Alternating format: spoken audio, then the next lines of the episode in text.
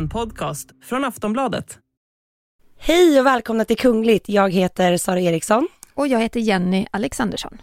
På torsdag startade stora firandet av drottning Elizabeth som suttit 70 år på tronen och det ska vi naturligtvis prata om. Det sägs att det kommer att bli världens dyraste kungliga fest och vi pratar såklart om Harry och Meghan som befinner sig i London för första gången tillsammans sedan de lämnade kungahuset 2021. Mm, många befarar att de ska stjäla uppmärksamheten från drottningen och eh, paret har faktiskt avgett ett löfte kring detta. Vi ska även prata om förstinan Charlene som till slut har kommenterat ryktena om skilsmässa. Och så pratar vi om drottning Silvias favoritlåt och varför drottning Elisabeth avstår från att bära en viss krona.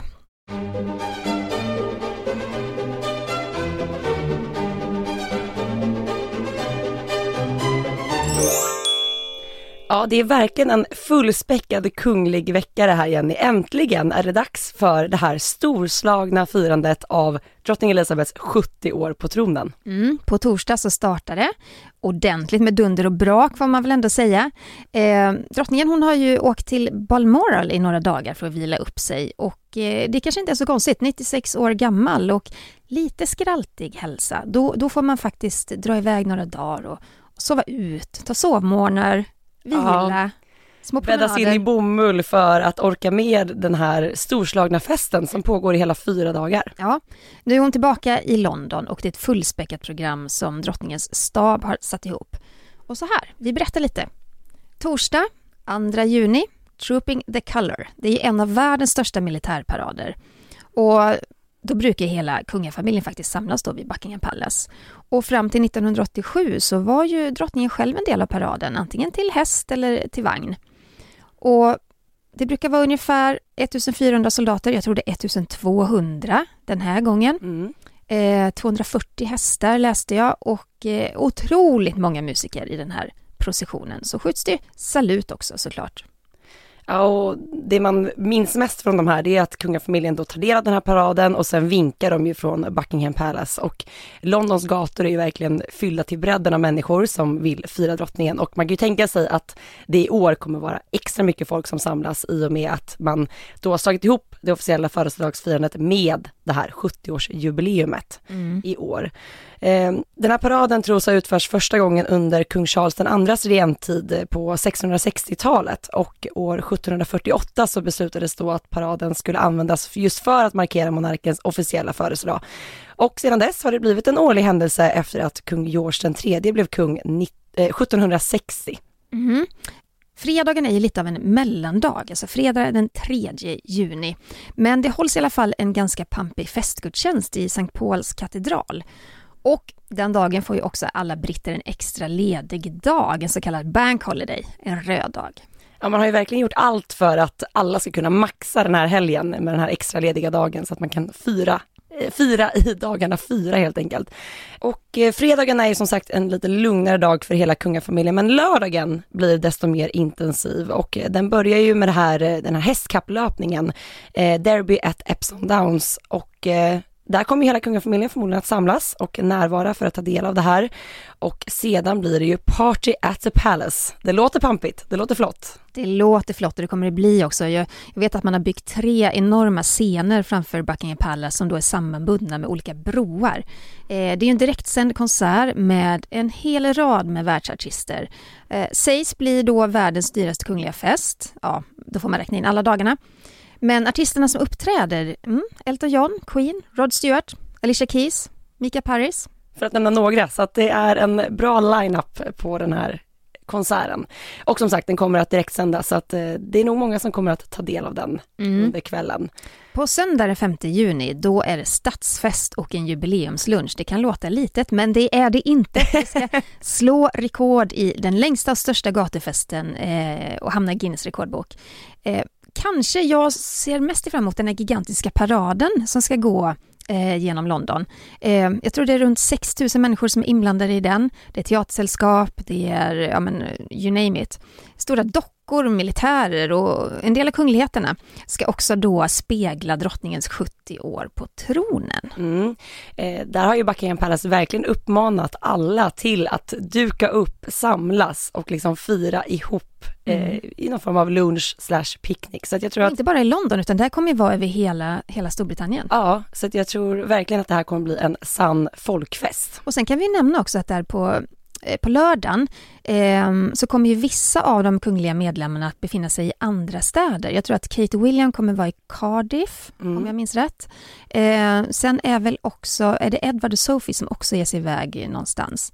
Just för att liksom delta i firandet på andra platser så att det inte bara blir centrerat till London. Precis. Eh, det ryktas ju även, det här är inte fastslaget ifrån Buckingham Palace, men att efter den här, när den här gatufesten då börjar på rundas av, så sägs det att eh, medlemmar av kungafamiljen kommer att eh, liksom infinna sig på Buckingham Palace igen för att vinka från balkongen. Det här är inte bekräftat från hovet, men många brittiska medier skriver om detta, så vi får väl se ifall att de dyker upp där. Och Sara, vi kommer ju verkligen få se det, för att vi kan ju berätta för alla att jag och Sara, vi drar iväg till London Ja! för att rapportera till er på plats. Så att det kommer komma en kunglig podd, eh, vad vi tror, antingen söndag kväll eller måndag morgon, med, eh, med allt från eh, det här faktiskt historiska händelsen. Det ska bli väldigt kul och också mäktigt att få ta del av det här firandet. Det här kommer vi ju förmodligen aldrig mer uppleva eh, och det är verkligen en historisk händelse och det ska bli så, så kul att få ta del av det och också träffa alla andra människor som är på plats för att fira drottning Elizabeth. Mm. Eh, så att häng med oss nu under hela helgen för att vi kommer ju, som sagt, vi kommer podda, vi kommer spela in tv, vi kommer uppdatera Sociala massor på medier. sociala medier. Mm. Eh, så att där kommer ni verkligen få senaste nytt direkt ifrån London. Ja, eh, två till som kommer befinna sig i London, som vi nämnde. Det är Harry och Meghan med barnen. Eh, de har ju faktiskt lovat att inte ta uppmärksamheten från drottningen, för det har man varit lite rädd för. Och det vet vi ju också att var de än visar sig så blir det ju rubriker. Och här vill man ju verkligen bara fokusera på jubilaren. Frågan är om de kommer lyckas med det. Ja, det är frågan. Eh, Harry och Meghan eh, gjorde ett snabbt besök hos drottningen i april innan de reste vidare till Haag. Eh, men det var liksom inte något officiellt utan de träffades ju då privat. Så det här är ju första gången vi faktiskt ser Harry och Meghan sida vid sida med övriga kungafamiljen sedan de lämnade kungahuset. Och det är klart att även om de har lovat att inte stjäla någon show eller uppmärksamhet så vet vi var blickarna kommer att riktas. Mm. Ja, nej, men det ska bli spännande. Enligt, enligt The Times så, så vet man att man redan nu då från hovets sida har diskuterat det här med transporter och andra praktiska saker som kommer gälla under jubileet tillsammans med Harry och Meghan.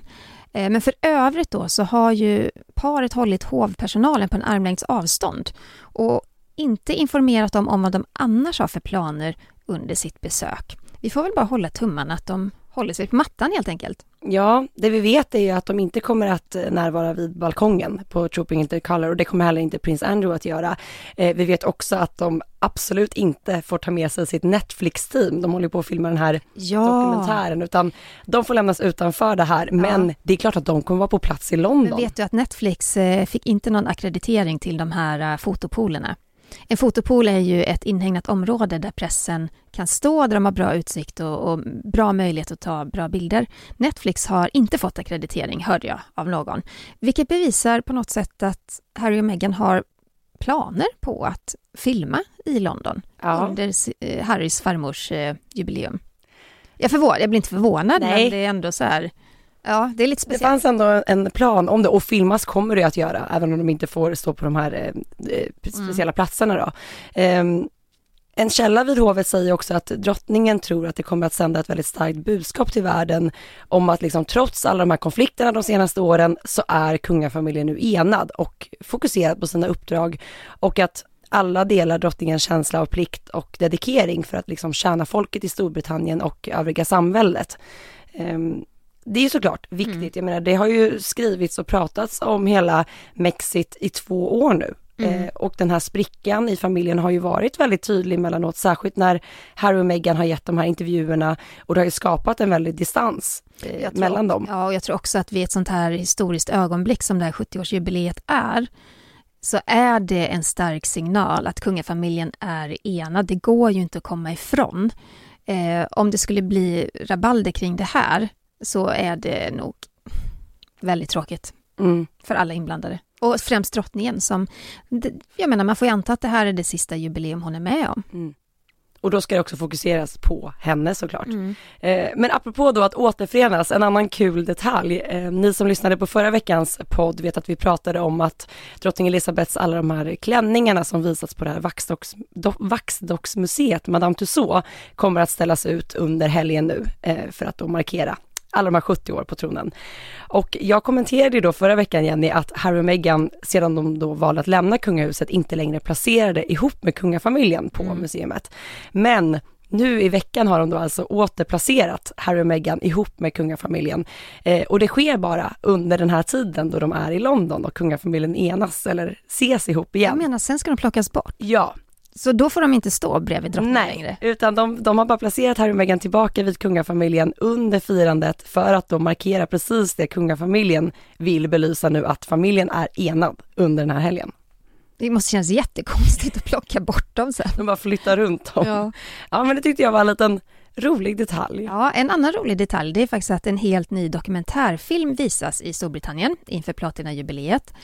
Och i den så får man se privata bilder och hemvideor som aldrig tidigare visats för allmänheten. Och det är bilder från drottningens barndom, hennes uppväxt och ända fram till kröniken, kröningen.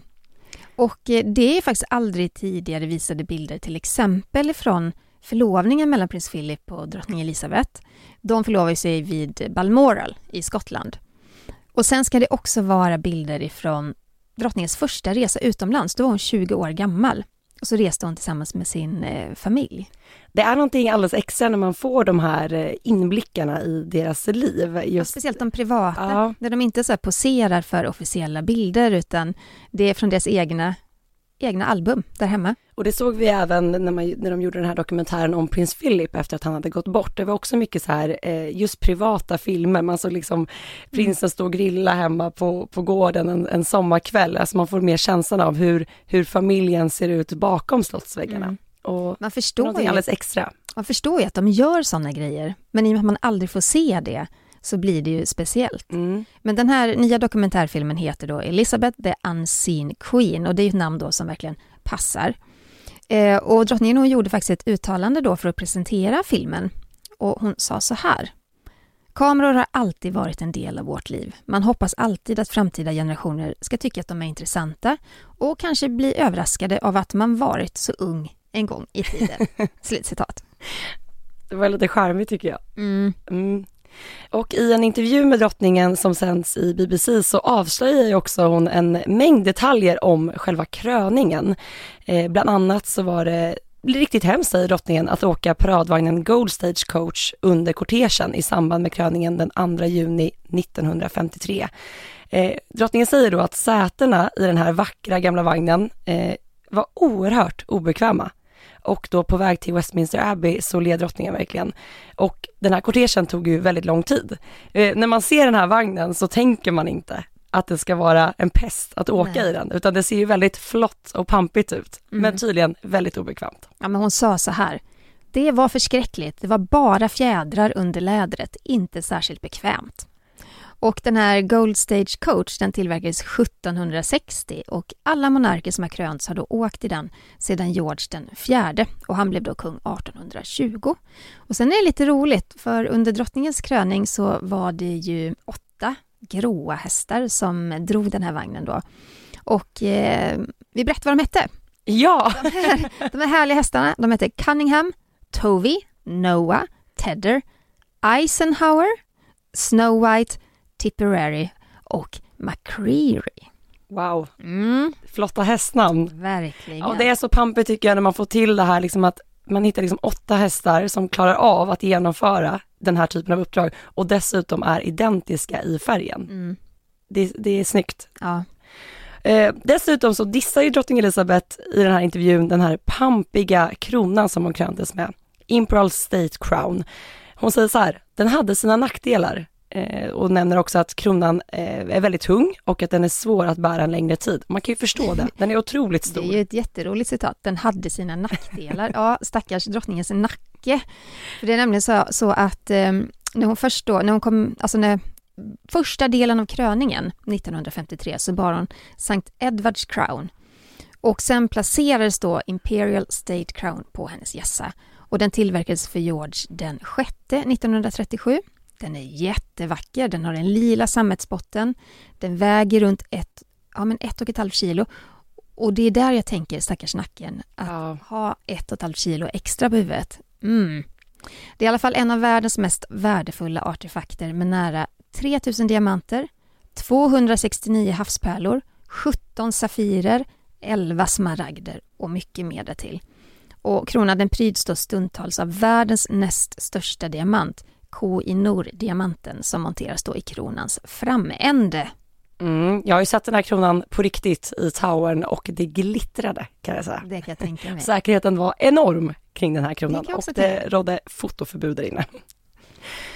Eh, I en dokumentär beskrev drottning Elizabeth den här kronans tyngd som du nämnde Jenny och hon sa ju eh, såklart att det var väldigt jobbigt att bära kronan, särskilt då vid kortegen med häst och vagn. Eh, samt att den är så tung att det är helt omöjligt att titta ner alltså läsa talet med den. Man kan liksom inte knappt röra huvudet. Eh, drottningen sa så här, citat, ska jag läsa ett tal måste jag hålla upp det, annars skulle nacken brytas och kronan falla av, slutcitat. Det är ju en nackdel. Det är en nackdel. Hörni, kära lyssnare, det är dags för veckans Harry och Meghan.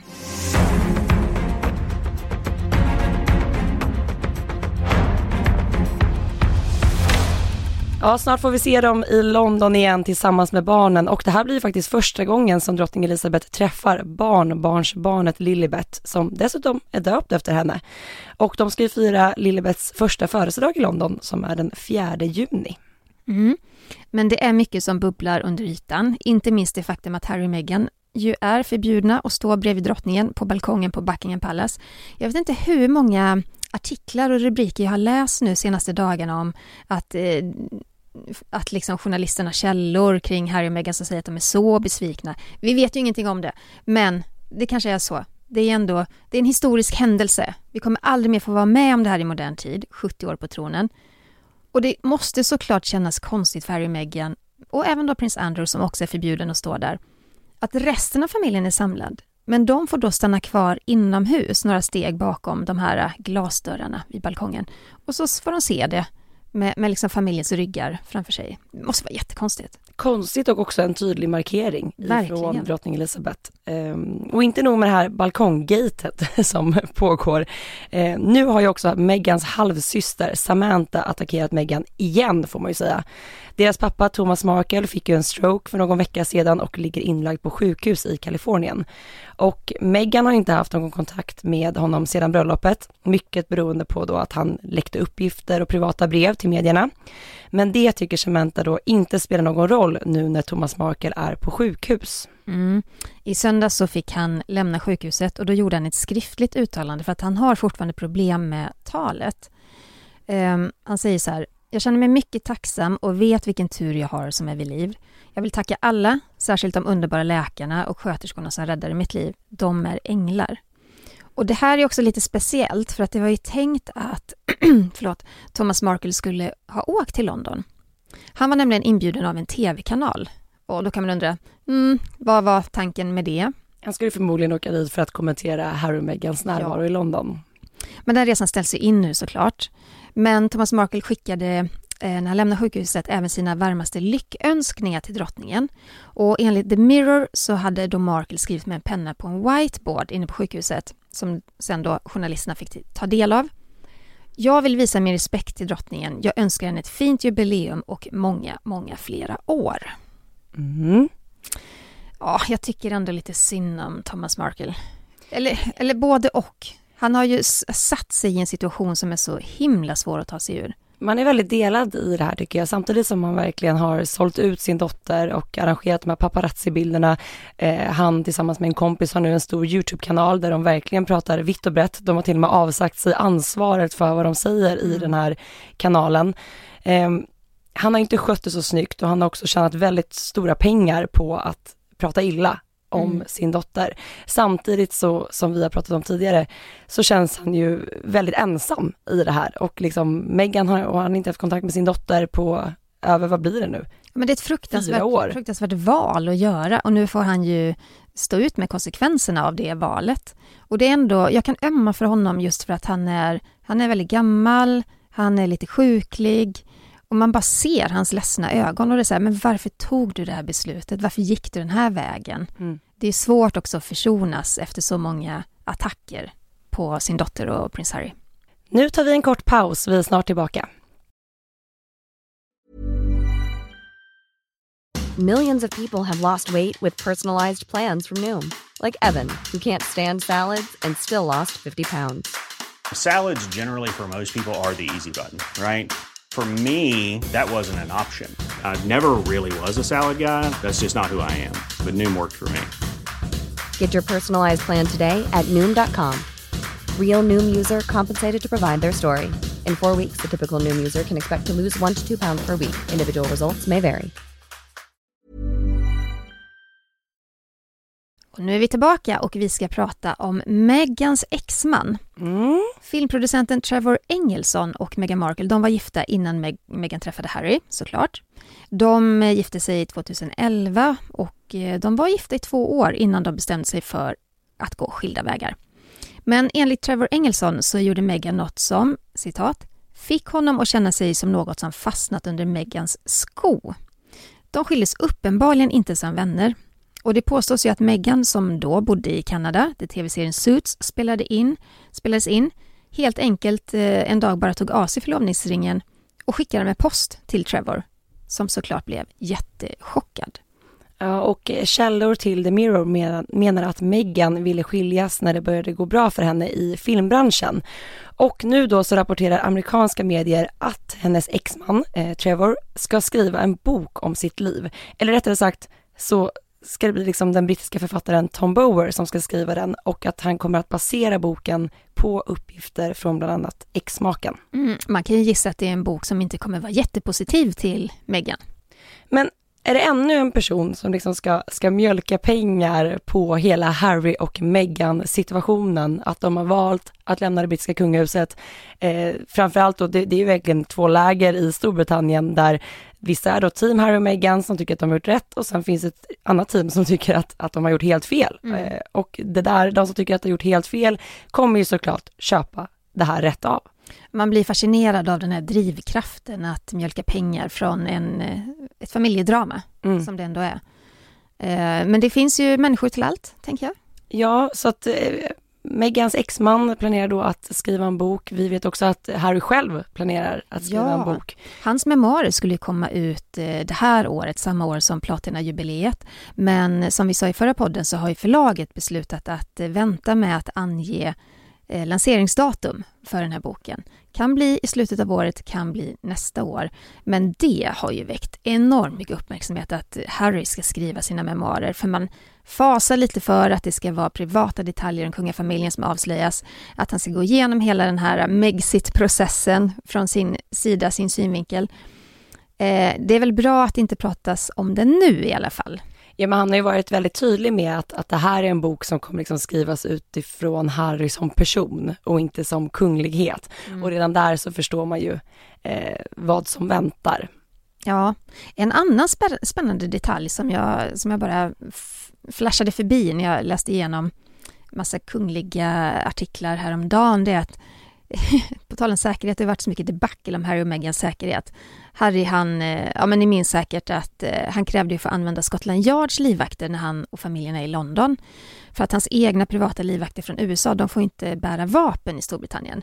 Men då fick han ju kalla handen och Högsta domstolen avslog ju hans begäran att få använda sig av sådana livvakter när han befinner sig i Storbritannien. Därför att någon skattefinansierad säkerhet det får prinsen inte ta del av efter att ha lämnat kungahuset. Punkt slut. Men nu kan han ju känna sig trygg i USA i alla fall, för det visar sig att han har anställt Alberto Alvarez, som tidigare var livvakt till Michael Jackson. Oj! Och som påstår att han var vid Michael Jacksons sida den sista tiden i livet när han dog 2009 och som även var med och vittnade då vid rättegången om Michael Jackson. Okej. Jag såg såna här paparazzi-bilder från Harry och hans eh, kompis var ute och cyklade i Los Angeles. Och så kom då Alberto Alvarez cyklande efter dem. Hack i häl. Hack i häl. Och jag kände igen honom från de här, det var ju väldigt mycket bilder på Michael Jackson och hans livvakt. Eh, ja men det var väl på 2000-talet liksom. Men då får han helt enkelt stanna kvar i USA då och sen så får Harry och Meghan lösa säkerhetsfrågan i Storbritannien och i Ja. London nu på annat sätt. Ja, jag skulle tro att det är så, eller om livvakterna följer med då, då får de ju följa eh, brittisk lag, de får inte bära vapen då. Nej. Men, eh, men samtidigt när det är ett sånt stort kungligt eh, evenemang så är det klart att Harry innefattas av Scotlands Yards eh, säkerhetsarrangemang också. Mm. Annars vore det ju konstigt. För nu kommer han ju faktiskt vara en del av det offentliga Mm. i, i liksom av, delen av kungafamiljen och då är det klart att det är annorlunda mot om han är där i, i privata, Mm. i privat resa till Ja, exempel. men precis. Vi stannar kvar i Storbritannien för enligt uppgifter så ska prins Andrews yngsta dotter, prinsessan Eugenie och hennes man Jack Brooksbank eh, och deras son August delvis flytta till Portugal. Det efter att Jack då fått ett nytt jobb eh, hos en Mike Meldrum, en affärsman som tidigare arbetat tillsammans, han har tidigare arbetat tillsammans med honom och som också är mycket god vän med George Clooney. Och företaget jobbar med försäljning och marknadsföring av en privat resort med över 300 hushåll. Och eh, som sagt, paret kommer då att bo delvis i Portugal och i Storbritannien. Och Eugenie hon kommer att fortsätta arbeta på galleriet Hauser and Wirth, men paret kommer då att pendla mellan Lissabon och Frogmore Cottage i Win- Windsor. Ja, Jack han har ju tidigare arbetat för tequila-märket eh, Casamigos som till nyligen ägdes av bland annat Mike Meldrum som han nu ska arbeta med tillsammans i Portugal.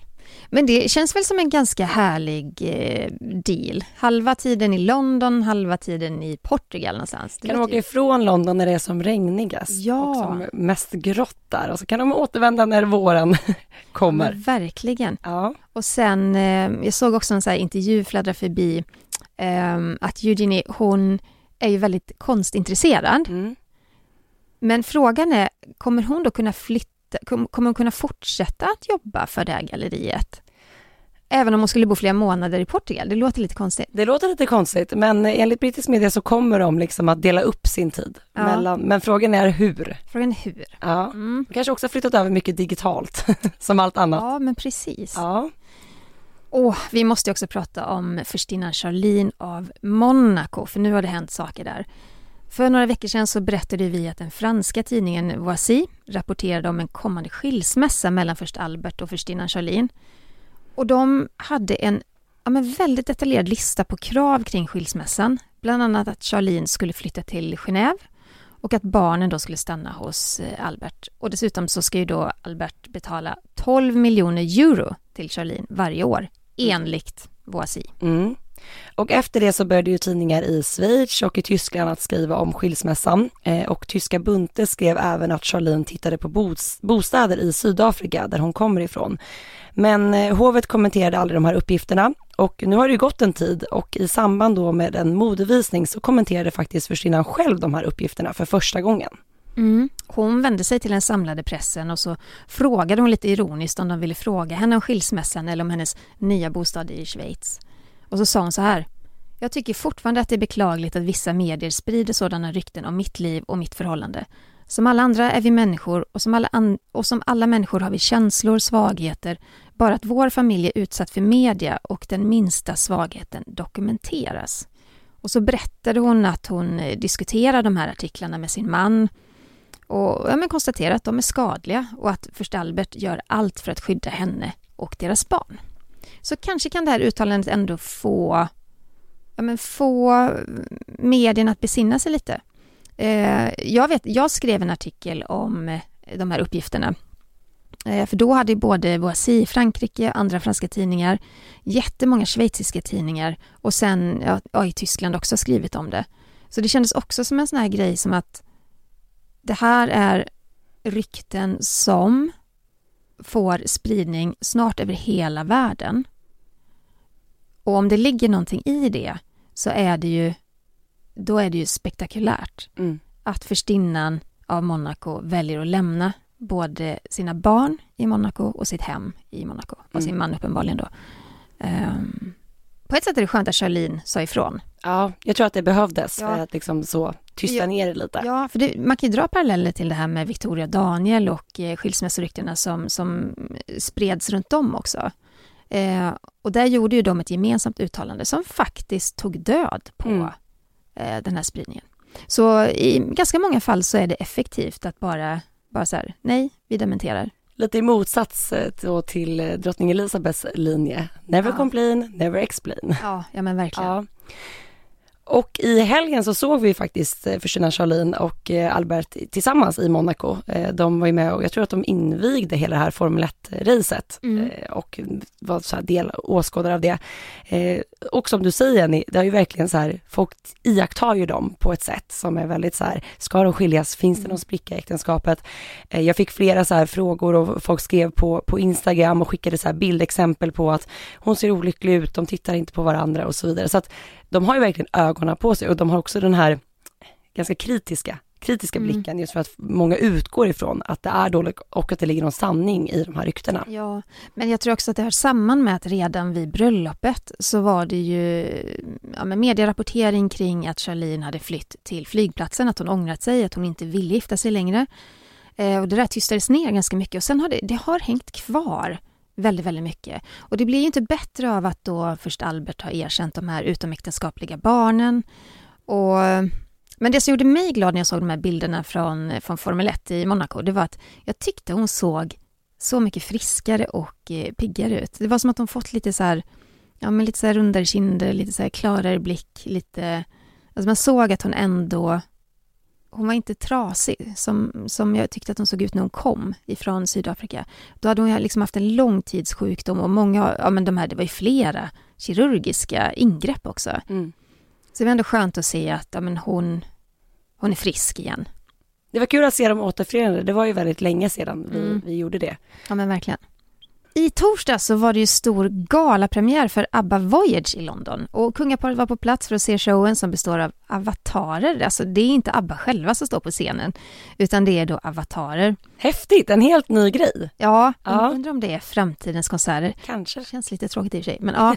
men självklart då så var Björn, Benny, Agneta och Annie Frid på plats vid premiären och röda mattan. Och det är lite kul för kungaparet är ju god vän med abborna sedan lång tid tillbaka. Och kanske särskilt eh, Annie Frid eh, som känt drottningen väldigt länge. Eh, hon var ju tidigare gift med den tyske prins Rutzo Royce. Han är ju tyvärr inte i livet längre. Och prins Rutzo Royce, han lärde känna kungen när de gick på internatskolan Sigtuna tillsammans. Så det är Mm. väldigt kunglig stark koppling där. Ja, verkligen. Ja, och på röda mattan så såg man förutom kungaparet och ABBA även många svenska artister och en hel drös med kungabarnsvänner. Många av Victoria och Madeleines kompisar var där, till exempel Tintin Aburén, Isabella Levenhaupt och Malin Andrén.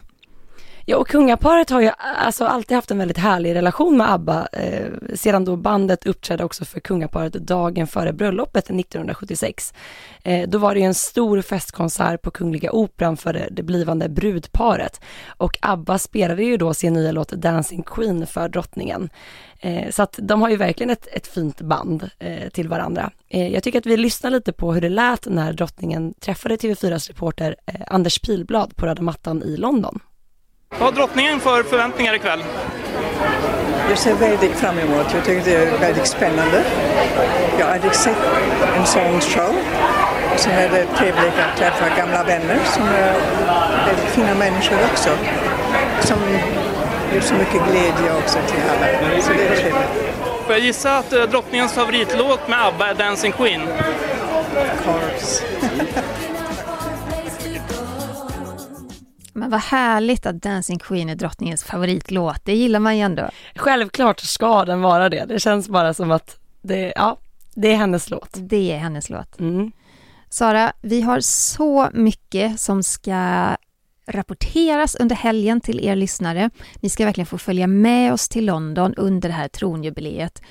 En historisk händelse. Drottning Elizabeth har suttit 70 år på tronen. Vi ska ta med er ut bland folkmassorna, till publiken, eh, till alla de här stora evenemangen. Så jag hoppas verkligen att ni vill lyssna. Vi hoppas att podden kommer ut antingen söndag kväll eller måndag morgon, men det kommer ni se på Aftonbladets hemsida. Ja, och vi kommer som sagt rapportera både eh, tv på Aftonbladet och även eh, artiklar kommer att skrivas. Eh, vi kommer att podda och självklart så ser ni de absolut senaste uppdateringarna på våra Instagramkonton. Tanken är väl också att vi ska hinna med att göra någon så här, eller kanske flera Instagram-lives, eller hur Jenny? Ja, det måste vi göra. Så att man verkligen kan känna in hur det är just där och då och man kan ställa frågor och hänga med oss. Så att eh, om ni inte redan gör det så följ oss på Instagram. Där heter du Kungligt med Jenny och du heter? Royalistan.se och skicka gärna in lyssnarfrågor till oss som alltid till kungligt aftonbladet.se. Häng med oss i helgen. Vi hörs snart. Hej då! Hej då!